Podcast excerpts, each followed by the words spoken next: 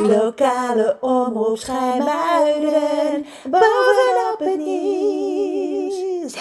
Ron wil een tattoo, aflevering 26. Hier Hajo Tekenbree van de lokale omroep Schijmuiden. Ik heb telefonisch contact kunnen leggen met de verteller van dit verhaal. Zij beweert vast te zitten op het schip waarop ook de ontvoerde Ron zich bevindt. Mevrouw de verteller, weet u hoe het met Ron gaat? Naar omstandigheden goed. En hoe maakt u het? Tja, wat zal ik zeggen? Het is hier best eens. Sorry dat ik u onderbreek, maar de mannen die net het schip hebben verlaten en spullen uit een busje op de kade hebben gehaald, komen terug aan boord. En aangezien de lokale omroep Schijmuiden altijd bovenop het nieuws zit, gaan we deze ontwikkeling nauwgezet volgen. Misschien tot later. Oké. De piraten die door Pedro naar de bus waren gestuurd om de paella-pan en boodschappentas van John te halen, komen weer aan boord. De een draagt de pan met de boodschappentas erin, de ander heeft een enorme koffer op zijn rug. Johns koffer. We hebben voor de zekerheid alles maar meegenomen, zegt die piraat met de koffer zuchtend en steunend.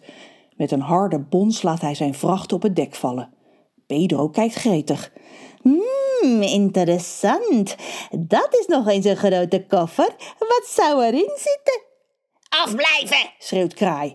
Die is van John. Het gaat je niks aan wat erin zit. Nou vind ik die koffer nog interessanter worden. Pedro knipt met zijn vingers. Maak open, beveelt hij, en de piraat die de koffer op zijn schouders had, gaat op zijn hurken zitten en knipt de koperen sluitingen één voor één omhoog. Als hij het deksel van de koffer optilt, duikt Pedro naar voren. Wat zit erin? Een houten horloge? Een zijden pyjama? Ik wil een zijden paarse pyjama. En wel nu. Zijn handen graven in Johns koffer. Aha, ik heb beet, roept hij. Hoera, hij heeft beet, joelen de piraten op het schip terwijl Pedro zijn buit triomfantelijk boven zijn hoofd houdt. Maar wat is het? mompelt hij, terwijl hij wat hij ook in zijn handen heeft dicht naar zijn ogen brengt. Ik kan niet goed zien in het donker.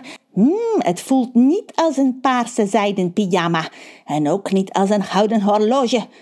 Plotseling ontsnapt Johns yogamat, want dat is het, uit Pedro's greep en landt met een plofje uitgerold op het dek. Hé, wat is dat? gilt Pedro ontzet. Een yogamat, antwoordt Ron.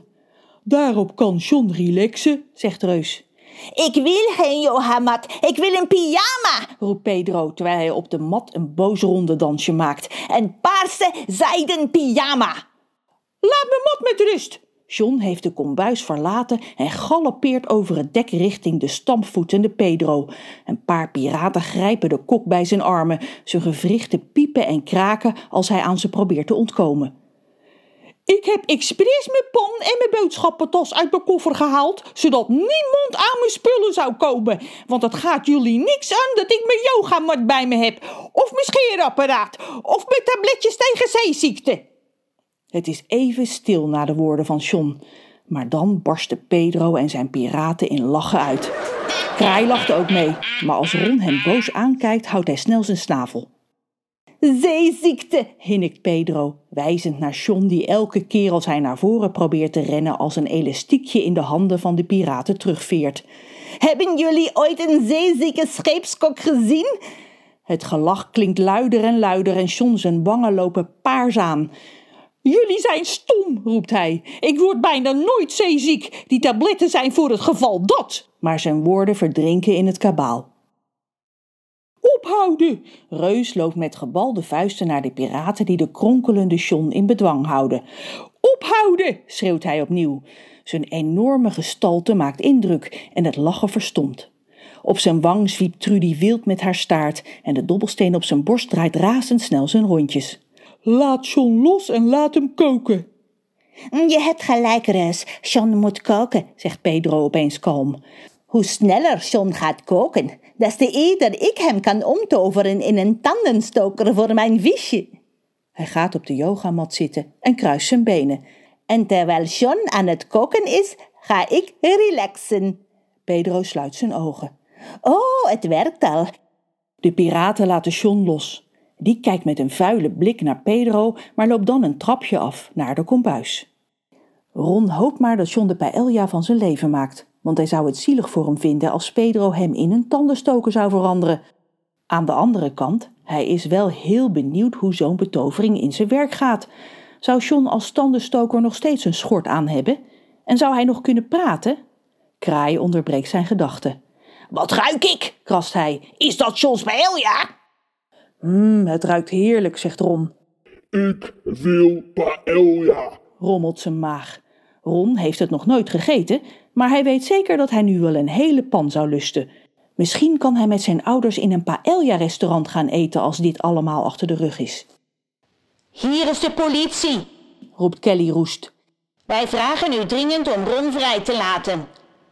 Pedro, laat dat mens eens ophouden met zeuren, moppert Lorelei terwijl ze een servet om haar hals bindt. De piraat opent zijn ogen en springt lenig overeind. U moet ophouden met zeuren, roept hij naar de politievrouw op de kade. De politie zeurt niet, toetert Kelly Roest in haar megafoon. En als u beweert dat dat wel zo is, krijgt u een bekeuring wegens het beledigen van een ambtenaar in functie. Oei, nu word ik bang, giechelt Pedro. Mens, ik ben zo rijk dat ik wel duizend bekeuringen kan betalen. Wat zeg ik? Tienduizend? Han, laat Ron gaan, schalt de stem van Rons moeder weer over de kade. De politie vraagt u inderdaad om Ron onmiddellijk te laten gaan. Kelly Roest pauzeert even en zegt dan... Wij willen Ron en de reus die hem heeft ontvoerd. Als u meewerkt, blijft dit verder voor u en uw bemanning zonder gevolgen. Maar als u dat niet doet, dan... Dan wat? schreeuwt Pedro woedend. Hou je rustig, Pedro, zustreus. Maar Pedro luistert niet en raast door. Dan wat, vraag ik? Gaat die politie dan mijn schip bestormen? Als dat gebeurt, dan verander ik u en al die andere agentjes in... Uh, wat zal ik eens kiezen? Garnalen. Ja, garnalen voor in de paella van John. Die is al klaar, hoor.